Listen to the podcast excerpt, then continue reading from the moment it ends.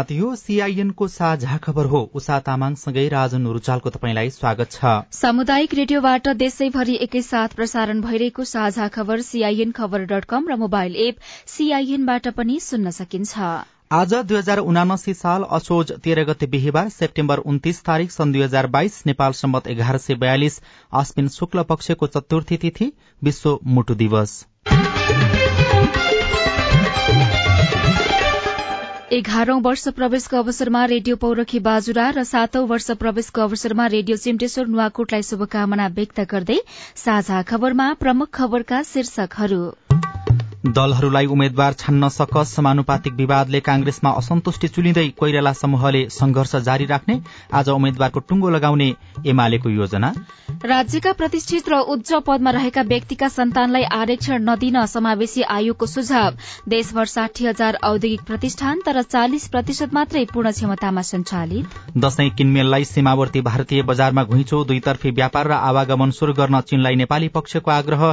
चाडबाड अगाडि विदेशी नीति तीन दशक यताकै बढ़ी। आँधीका कारण क्षति हुन सक्ने भन्दै अमेरिकाको भर्जिनियामा आपतकाल घोषणा। श्रीलंकामा मानव र हात्तीबीचको द्वन्द रोक्न वार्षिक अस्सी लाख अमेरिकी डलर खर्च। युक्रेनको पूर्वी डोनेस्क क्षेत्र आफ्नो कब्जामा नआएसम्म आक्रमण जारी रहने रूसको घोषणा। र एन्फा कार्य समितिले पूर्णता पायो। ब्याटिङमा दिपेन्द्रको वरियता एक स्थान सुधार। सुदूरपश्चिम राजधानी कप फुटबलमा आजदेखि सेमी फाइनलका खेल हुँदै।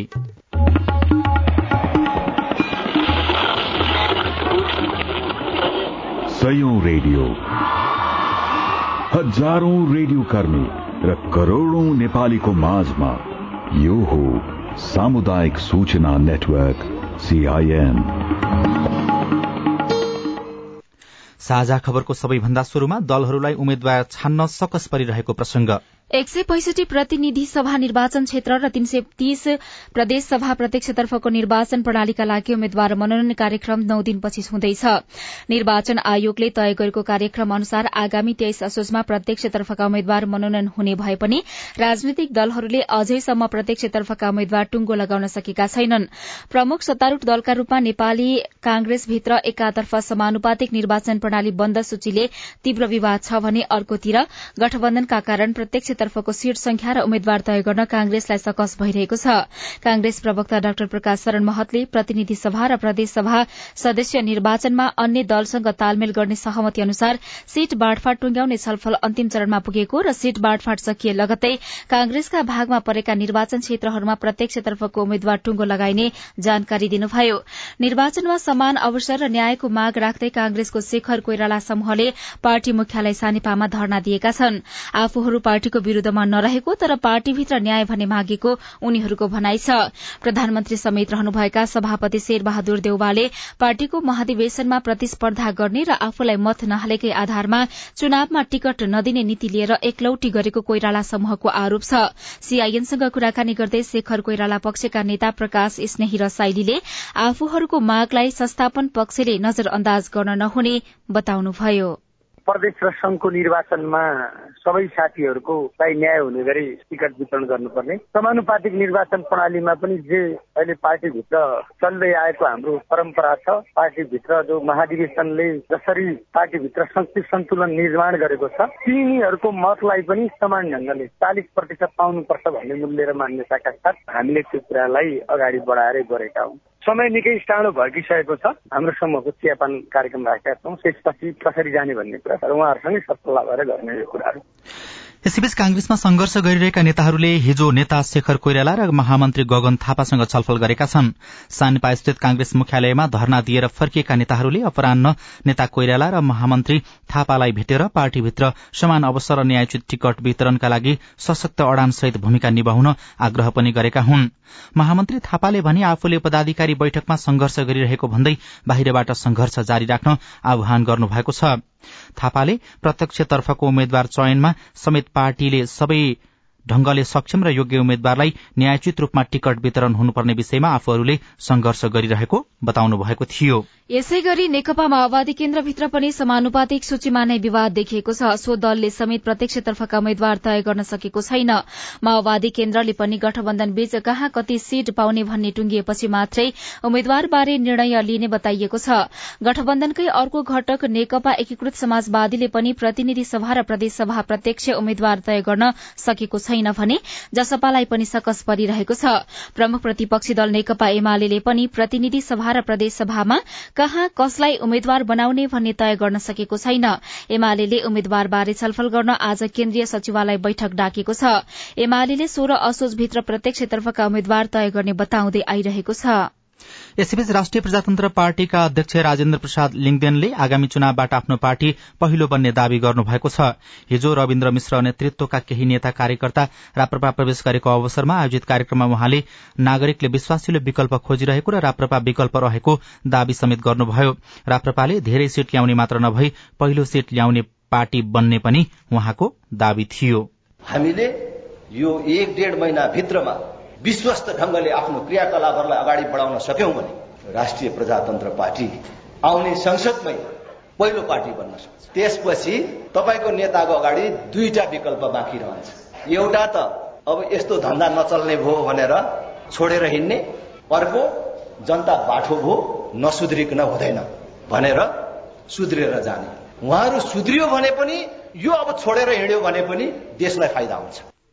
मतदाताले विश्वासिलो विकल्प खोजिरहेको र विकल्प खोजिरहेका मतदाताको नजरमा राप्रपा परेको पनि लिङदेनको भनाइरहेको थियो। उहाँले देशका एक सय पैंसठीवटै प्रतिनिधि सभा निर्वाचन क्षेत्र र तीन सय तीसवटा प्रदेशसभा निर्वाचन क्षेत्रमा उम्मेद्वारी दिने पनि बताउनुभयो।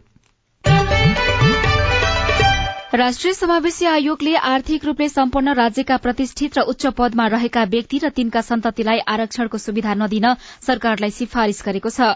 मुलुकमा चौध वर्ष अघि लागू भएको आरक्षण सुविधाको दुरूपयोग बढ़ेको निष्कर्ष निकालेको आयोगले संघ र प्रदेशका सांसद भएका व्यक्ति एक वर्षभन्दा बढ़ी अवधि मन्त्री राज्य मन्त्री सहायक मन्त्री भएका आमा बुवाका सन्तानलाई आरक्षण सेवा अन्तर्गत सेवा प्रवेशमा निषेध गर्न संघीय मामिला तथा सामान्य प्रशासन मन्त्रालयलाई सिफारिश गरेको हो।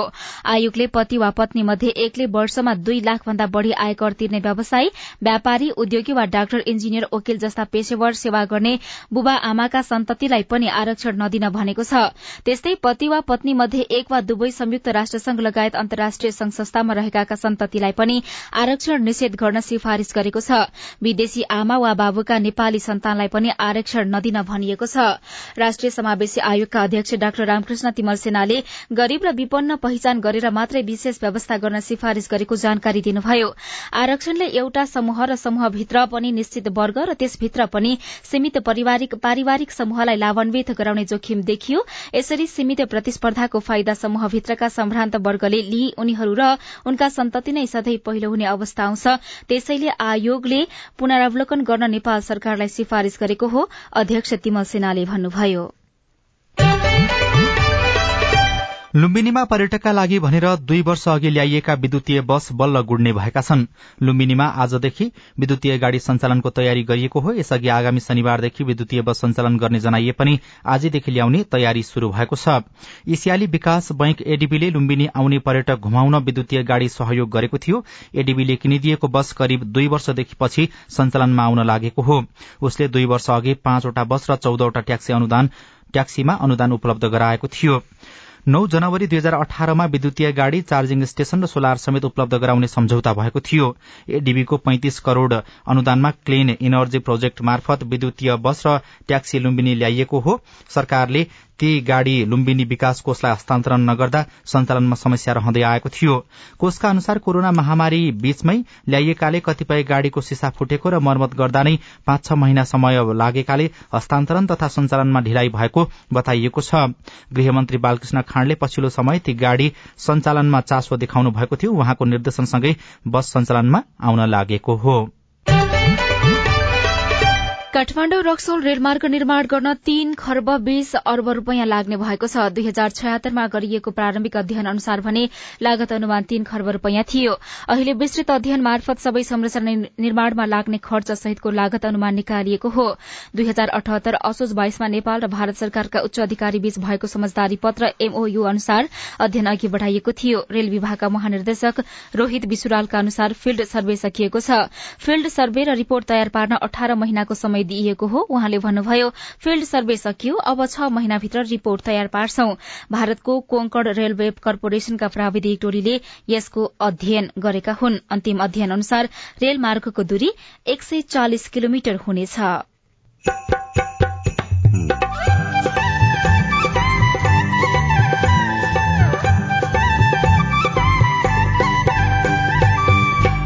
सामुदायिक सूचना नेटवर्क सीआईएन मार्फत देशभरि प्रसारण भइरहेको साझा खबरमा मोटरसाइकलमा लामो दूरीको यात्रा गर्नेहरूले कसरी यात्रालाई सुरक्षित बनाउने? चालकले सवारी साधन एकदमै तीव्र गतिमा नचलाउने ओभरटेक गर्ने बेलामा बढी दुर्घटना हुने भएको हुनाले सकेसम्म ओभरटेक चाहिँ सुरक्षित तवरले मात्रै ओभरटेक गर्ने। देशभर साठी हजार औद्योगिक प्रतिष्ठान तर चालिस प्रतिशत मात्रै पूर्ण क्षमतामा सञ्चालित दशैं किनमेललाई सीमावर्ती भारतीय बजारमा घुइँचो लगायतका खबर बाँकी नै छन्। सीआईएनको साझा खबर सुन्दै गर्नुहोला।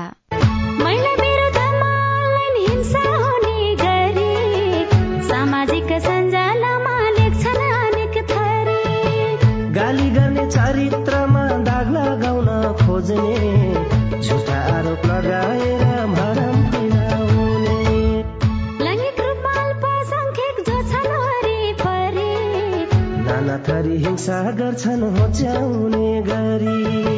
नजिस्काउनु शरीर र यौनिकतालाई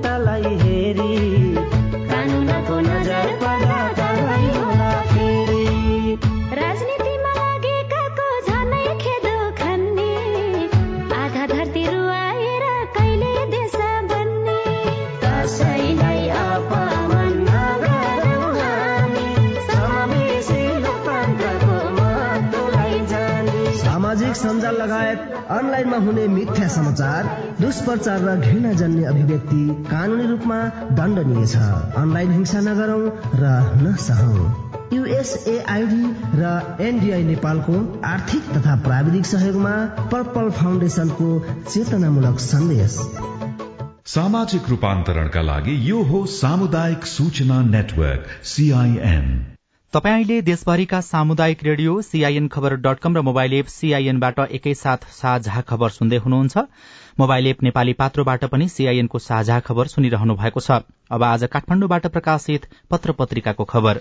दुईतर्फी व्यापार र आवागमन शुरू गर्न चीनलाई अनुरोध शीर्षकमा रसुवाबाट बलराम घिमिरेले खबर लेख्नु भएको छ। रसुवा गढ़ी नाकाबाट दुईतर्फी व्यापार र आवागमन शुरू गर्न नेपाली पक्षले चीनलाई अनुरोध गरेको छ। बुधबार नेपाल र चीनका प्रतिनिधिबीच भर्चुअल माध्यमबाट भएको काउन्टर पार्ट बैठकमा नेपाली पक्षले चीनिया अधिकारीहरूलाई नाका सञ्चालनका लागि अनुरोध गरेको हो। रसुवाका प्रमुख जिल्लाधिकारी नवराज जैसीले बैठकमा विभिन्न विषयमा छलफल भएको बताउनुभयो। उहाँका अनुसार चीन सरकार सरकारको अनुदानमा रसुवाको टिमुरीमा निर्माणाधीन सुक्खा बन्दरगाहलाई आवश्यक प्रक्रिया पूरा गरी छिटै निर्माण सम्पन्न गर्न पनि आग्रह गरिएको छ। त्यस्तै चिनिया सरकारले निर्माण गर्ने स्याफ्रो बेसी रसुवा गढ़ी सड़क खण्डको काम थालनी यथाशक्य चाँडो गरिदिन पनि नेपाल पक्षले अनुरोध गरेको छ। केरूङमा व्यापार व्यवसाय गरेका केही नेपालीहरू कोभिड उन्नाइसका कारण लकडाउन भएपछि फर्किन नपाएको र त्यहाँ घरबाट भने तिरिरहनु परेको भन्दै आवश्यक सहजीकरण गर्न पनि चिनिया पक्षलाई आग्रह गरेको प्रजिया जैसीले बताउनुभयो। नागरिक दैनिकको पहिलो पृष्ठमा चार मन्त्री र तीन सचिव विदेश शहरमा शीर्षकमा भुवन शर्माले लेख्नु भएको खबर छापिएको छ। संघीय सरकारका चारजना मन्त्री र तीनजना सचिव यति बेला विदेश शहरमा छन्। साताव्यापी विदेश भ्रमणमा गएका शिक्षा मन्त्री भने बुधबार साँझ स्वदेश फर्कनु भएको छ। विदेशी मुद्राको संचिति घटिरहेका बेला सरकारले खर्चमा कटौतीको निर्णय गरेको छ तर मन्त्री र सचिवहरू भने विदेश भ्रमणमा गइरहेका छन्। अरूलाई पठाएर हुने कार्यक्रममा पनि मन्त्री र सचिवहरू नै आफै विदेश भ्रमणमा निस्किएका हुन्। वन तथा वातावरण मन्त्री प्रदीप यादव भूमि व्यवस्था सहकारी तथा गरीबी निवारण मन्त्री शशि श्रेष्ठ संघीय मामिला तथा सामान्य प्रशासन मन्त्री राजेन्द्र श्रेष्ठ र संस्कृति नागरिक तथा पर्यटन मन्त्री जीवनराम श्रेष्ठ विभिन्न कार्यक्रममा सहभागी हुन विदेश भ्रमणमा जानुभएको हो। शिक्षा मन्त्री देवेन्द्र पौडेल अस्ट्रियाको भियानामा आयोजित अन्तर्राष्ट्रिय आणविक ऊर्जा एजेन्सीको कार्यक्रममा सहभागी भएर बुधबार मात्रै स्वदेश फर्कनु भएको खबरमा उल्लेख गरिएको छ। त्यस्तै कान्तिपुर दैनिकमा दशैं किनमेलका लागि सीमावर्ती भारतीय बजारमा घुइँचो शीर्षकमा सञ्जु पौडेलले लुम्बिनीबाट र रूपा गहतराजले नेपालगंजबाट लेख्नु भएको खबर छापिएको छ। पाल्पाको बुर्तुङ घर भएका रमेश खनाल आइतबार बिहानै भारतीय बजार सुनौली पुग्नुभयो। बिहान नौ बजे नै सुनौली पुग्नुभएका उहाँ यहाँबाट घराइसी सामान किन्ने तर्खरमा हुनुहुन्थ्यो। रूपन्देहीको तिलोत्तमा चारका नर्मदा शर्माले पनि प्राय सुनौली बजारमा किनमेल गर्ने गर्नुभएको छ। घरायसी प्रयोजनका सामान खरिद गर्न आफू यहाँ आउने गरेको उहाँले बताउनु भएको छ। पछिल्लो तीन वर्षमा एक हजार भन्दा बढ़ी नियमित नेपाली ग्राहकहरू बनाएको सुनौलीको सुनजल गलीमा रहेको सेहनाज कस्मेटिक चलाइरहेका सेहुल शेखले बताएका छन् प्रायजसो नेपालीहरू दशैं लक्षित सामग्रीहरू किनमेलका लागि सीमावर्ती बजारमा पुग्ने गरेका छन्। पारी सस्तोमा खाद्यान्न कस्मेटिक र लत्ता कपड़ा बिक्री भइरहँदा व्यापार नभएको पीड़ामा वारीका व्यवसायी छन्। दशैंलाई लक्षित गर्दै सिद्धार्थ उद्योग वाणिज्य संघ भइरहेवाले असोज एघार गते दशैं सस्तो बजार सञ्चालन गर्दैछ। उक्त बजारमा सम्पूर्ण आवश्यक सामग्री पाइने संघका वरिष्ठ उपाध्यक्ष श्रेष्ठले बताउनु भएको छ एघार गतेदेखि सञ्चालन भएको दशैं सस्तो बजारमा नेपाली ग्राहकहरू पुग्न सकेका छैनन्। दशैंमा भारतमा रहेका नेपाली घर आउने क्रम शुरू भइसकेको छ। नेपालीहरूले सुरक्षालाई दृष्टिगत गरी इलाका प्रहरी कार्यालय बेलहियाले नाकामा यात्रु सहायता डेस्क पनि सञ्चालन गरेको छ तर नेपालका बढ़ी जसो ग्राहकहरू भने किनमेलका लागि भारतीय बजारमा नै पुग्ने गरेका छन्। गोर्खापत्र दैनिकको पहिलो पृष्ठमा बढ़दै उत्तर विधायकी परीक्षणको अभ्यास शीर्षकमा नारायण काफले खबर लेख्नु भएको छ। संघीय संसदको माथिल्लो सदन राष्ट्रिय सभाले उत्तर विधायकी परीक्षण ऐन कार्यान्वयन मापनको अभ्यासलाई कार्यान्वयनमा ल्याएको छ। उक्त सभाको विधायन व्यवस्थापन समितिले चारवटा विधेयकको कार्यान्वयन मापन पूरा गरेको छ। दुई प्रतिवेदन समितिले सभामा समेत पेश गरेको छ। नेपालको संसदीय अभ्यासमा नयाँ प्रयोगका रूपमा कार्यान्वयन मापनलाई पछिल्लो पछिल्लो समय प्राथमिकतामा राखिएको छ। उत्तर विधायकी परीक्षणमा कानून कार्यान्वयनको अवस्था विधायकी मनसाय अनुसार कार्यान्वयन भए वा नभएको राज्यको आवश्यकता र उद्देश्य हासिल हुन सके वा नसकेको अध्ययन गरिन्छ। नियमित रूपमा कार्यान्वयन मापन हुनुपर्ने भए पनि संसदीय समितिहरूले उत्तर विधायकी परीक्षणलाई प्राथमिकतामा राख्न सकेका छैनन्। सोही पृष्ठमा कार्यान्वयन हुँदै स्थानीय आर्थिक विकास कार्यक्रम शीर्षकमा विश्वास रेग्मीले खबर लेख्नु भएको छ। सबै स्थानीय तहमा नवप्रवर्तन र उद्यमशीलता विकास गर्ने उद्देश्य सहित सरकारले नवप्रवर्तन स्थानीय आर्थिक विकास एलईडी कार्यक्रमको कार्यान्वयन अन्तिम चरणमा पुर्याएको छ। संघीय मामिला तथा सामान्य प्रशासन मन्त्रालय मार्फत कार्यान्वयन हुने यस कार्यक्रमको कार्यविधि लगभग टुंगिने अवस्थामा पुगेको मन्त्रालय अन्तर्गतको स्थानीय तह क्षमता विकास महाशाखा प्रमुख बलराम रिजालले जानकारी दिनुभयो। कार्यक्रम कार्यान्वयनका लागि अहिलेसम्म साठी भन्दा बढ़ी स्थानीय आर्थिक विकास सूचक मन्त्रालयले निर्धारण गरिसकेको छ। स्थानीय तहले प्रविष्ट गर्नुपर्ने ती आर्थिक सूचकका आधारमा उत्कृष्टलाई मन्त्रालयले अर्थ मन्त्रालयको समन्वयमा सशर्त अनुदान उपलब्ध गराउनेछ। यो कार्यक्रमबाट एक लाख रोजगारी सृजना हुने अनुमान गरिएको छ र यसका लागि तीन अर्ब विनियोजन गरिएको छ। त्यस्तै कारोबार दैनिकमा चाडबाड अगाडि विदेश सिने तीन दशककै बढ़ी शीर्षकमा खबर छापिएको छ। रोजगारी खोज्दै विदेश जाने नेपाली श्रमिकको संख्या भदौमा हालसम्मकै उच्च देखिएको छ। वैदेशिक रोजगारीको इतिहासमा चालू आर्थिक वर्षको भदौ महिनामा छयत्तर हजार चार सय तीनजना श्रमिकले वैदेशिक रोजगारीमा जान सरकारबाट श्रम स्वीकृति लिएका छन्। यो संख्या गत आर्थिक वर्षको मंगिरको तुलनामा दुई हजार उनाचासले बढ़ी हो। लकडाउन यता गत वर्षको मंगिरमा चौहत्तर हजारले श्रम स्वीकृति लिएको वैदेशिक रोजगार विभागले जनाएको छ। वैदेशिक रोजगार विभागका महानिर्देशक उमाकान्त आचार्यले मलेसियामा नेपाली श्रमिकको सेवा सुविधा वृद्धि भएका कारण वैदेशिक रोजगारीमा जाने युवाको संख्या उल्लेख्य वृद्धि भएको बताउनु भएको छ। नयाँ पत्रिका दैनिकको अर्थ पत्रिका पृष्ठमा नवीन अर्यालले देशभर साठी हजार औद्योगिक प्रतिष्ठान रहेको खबर लेख्नु भएको छ। देशभर रहेको औद्योगिक प्रतिष्ठान मध्ये चालिस प्रतिशत उद्योगले मात्र उत्पादन क्षमताको पूर्ण उपयोग गरेका छन्। केन्द्रीय तथ्याङ्क विभागले सार्वजनिक गरेको राष्ट्रिय औद्योगिक सर्वेक्षण दुई हजार छ्यात्तर अनुसार साठी प्रतिशत औद्योगिक प्रतिष्ठानको उत्पादन क्षमता पूर्ण रूपमा उपयोग भएको छैन। तथ्याङ्क विभागले खानी तथा उत्खनन औद्योगिक उत्पादन विद्युत ग्यास वाफ तथा वातानुकूलित सेवा र पानीको आपूर्ति ढल निकास पोहोर व्यवस्थापन र त्यसको उपचारात्मक क्रियाकलाप गरी चार क्षेत्रका औद्योगिक प्रतिष्ठानको सर्वेक्षण गरेको थियो। साझा खबरमा अब हेलो सीआईएन स्नेहा कर्णबाट। नमस्कार।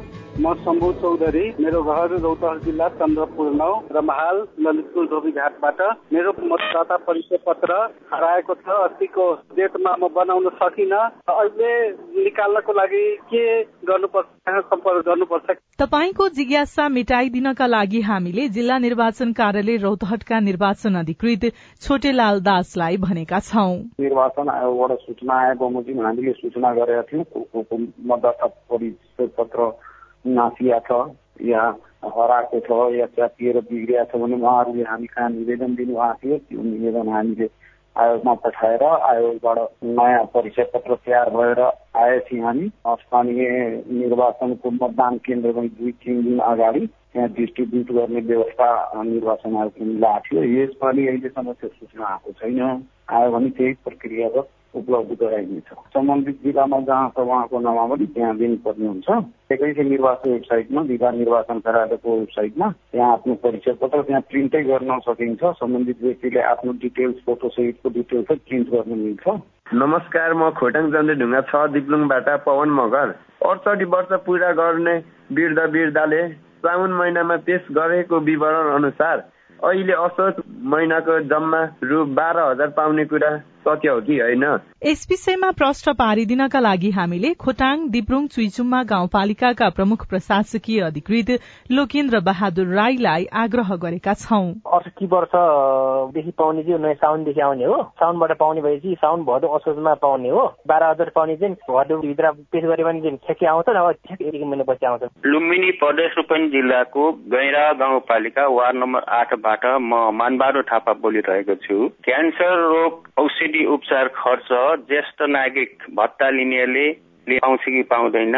जवाफ दिँदै हुनुहुन्छ गैडहवा गाउँपालिकाका स्वास्थ्य शाखा प्रमुख सुरेन्द्र चौरसिया। क्यान्सरको मात्रै हामीले एउटा चाहिँ विपन्न नागरिक भन्ने कार्यविधि सिफारिस पठाउँछौँ। गाउँपालिकाबाट त्यस्तो व्यवस्था छैन। वृद्ध भत्ता त उहाँहरूले पाउने कुरो चाहिँ भइहाल्यो होइन? उमेर पुग्यो भने। तपाईँ जुनसुकै बेला हाम्रो टेलिफोन नम्बर शून्य एक बान्न साठी छ चार छमा फोन गरेर आफ्नो विचार गुनासो प्रश्न तथा प्रतिक्रिया रेकर्ड गर्न सक्नुहुनेछ।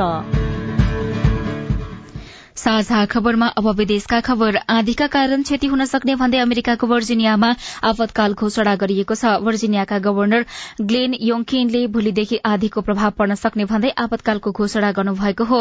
यसअघि उत्तर र पश्चिम क्यारोलिनासँगै जर्जियामा पनि आपतकाल घोषणा गरिसकिएको छ। यो आँधीका कारण विभिन्न क्षेत्रमा भारी वर्षा र तीव्र गतिको हावाहुरी चल्दा बिजुली गएको छ। केही क्षेत्रमा डुबान पनि भएको छ। श्रीलंका सरकारले मानव र हात्तीबीचको द्वन्द राख्न वार्षिक अस्सी लाख अमेरिकी डलर खर्च गर्ने बताएको छ।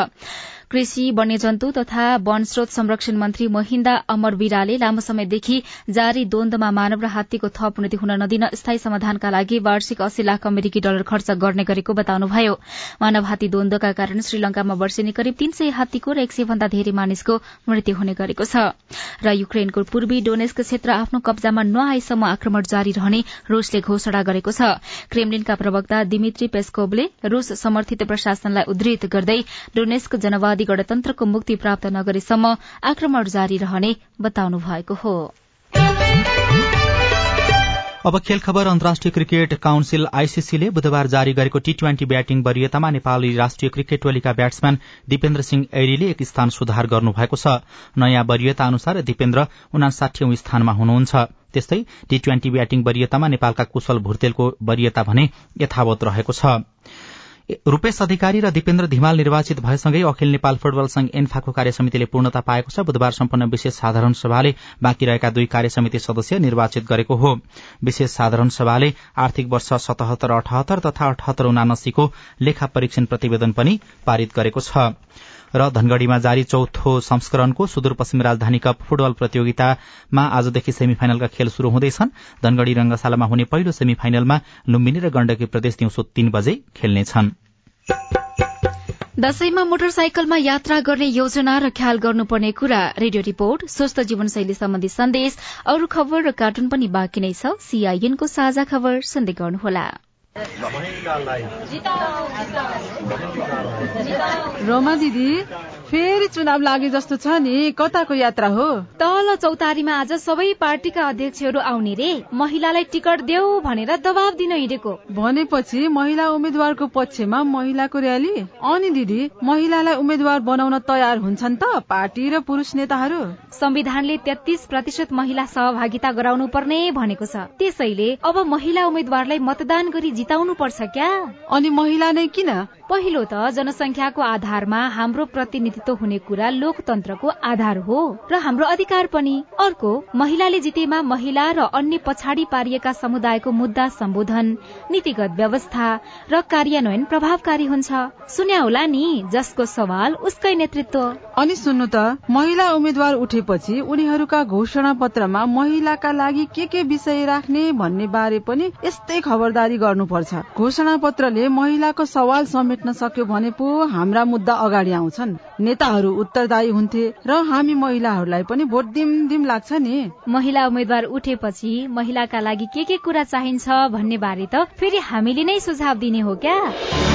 आगामी मंगिर चारको प्रतिनिधि र प्रदेश सभा निर्वाचनका लागि संविधानको व्यवस्था अनुसार महिला उम्मेद्वारलाई मतदान गरौं। महिला पुनस्थापना केन्द्र ओरेक नेम्स केयर नेपाल र सामुदायिक सूचना नेटवर्क सीआईएन सामाजिक रूपान्तरणका लागि यो हो सामुदायिक सूचना नेटवर्क सीआईएन साझा खबरमा अब मोटरसाइकल यात्रालाई सुरक्षित बनाउने विषय। यातायात व्यवस्था विभागको पछिल्लो तथ्याङ्क अनुसार नेपालमा झण्डै तेत्तीस लाख मोटरसाइकलहरू दर्ता भएका छन् जुन कुल सवारी साधनको झण्डै अस्सी प्रतिशत हो। दशैंमा घर जाँदा समेत मोटरसाइकलमै जानेको संख्या ठूलो छ। मोटरसाइकल यात्रालाई जति रोमाञ्चक मानिन्छ दुर्घटनाको दृष्टिले त्यति नै जोखिमपूर्ण छ। मोटरसाइकलमा गरिने लामो दूरीको यात्रालाई कसरी सुरक्षित बनाउने?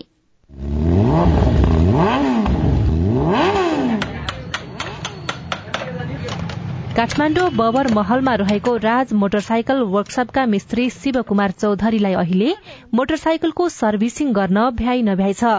घर जान लामो दूरीको यात्रा तय गर्नेहरूले मोटरसाइकलको सर्भिसिङ गराइरहेका छन्। हामीले सर्भिसिङ गर्दैछौँ भनौँ न। सर्भिसिङको लागि हो। यसो भन्छ मान्छेहरू अब लङ टुर जानु पर्यो यसो हेर्नु पर्यो के कसो छ होइन।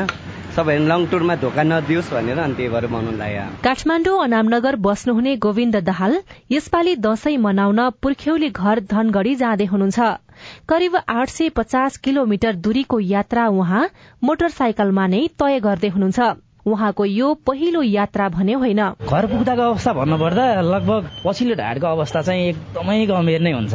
तैपनि अब यसो घर त पुग्नै पर्यो। गाडी र प्लेनको उले गर्दाखेरि बाइकमा नै सहज होला बसेर एक दिन बाटोमा बसेर जानको लागि सहज होला भनेर मात्रै। त्यति लामो बाटो तय गर्दै हुनुहुन्छ मोटरसाइकलमा।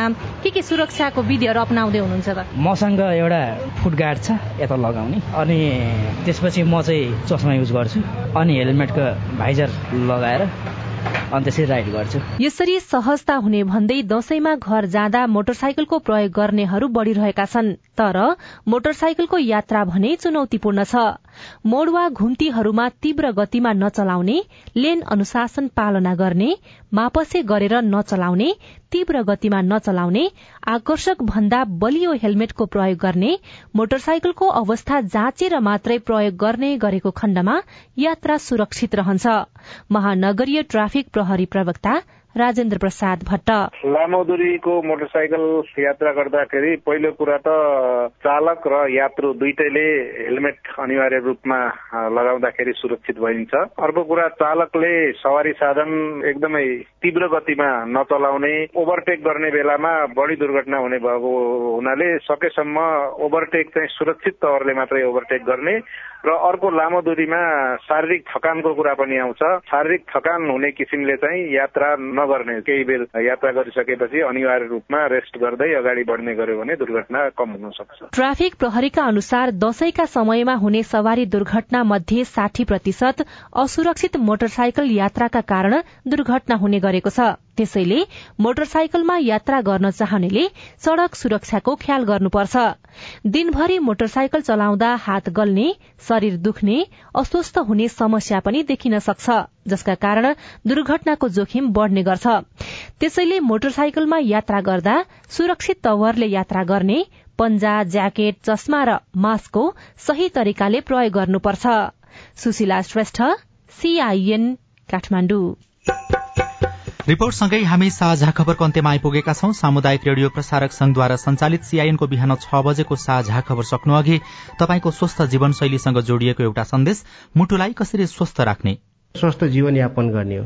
स्वस्थ जीवनयापन भनेको स्वस्थ खाना खाने त्यसमा अब बोसो चिल्लो बढी नखाने धेरै क्यालोरी भएको चिजहरू जस्तै तारेको तेलमा घिउ राखेको खानेकुराहरू बढी नखाने प्रशस्त सागसब्जीहरू सकेसम्म फलफुलहरू खाने पहिलो चरणमा त यो भयो। दोस्रो भनेको हामीले व्यायाम गर्नुपर्छ। आफ्नो शरीरलाई जति सक्छ उति चलायमान गराउनुपर्छ। त्यसको लागि हिँड्ने योगा गर्ने व्यायाम गर्ने जे गर्न सकिन्छ साइकल चढ्ने ती व्यायामहरू गर्नुपर्छ।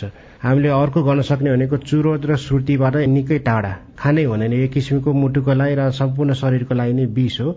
मद्यपान पनि नगरेकै मुटुको लागि राम्रो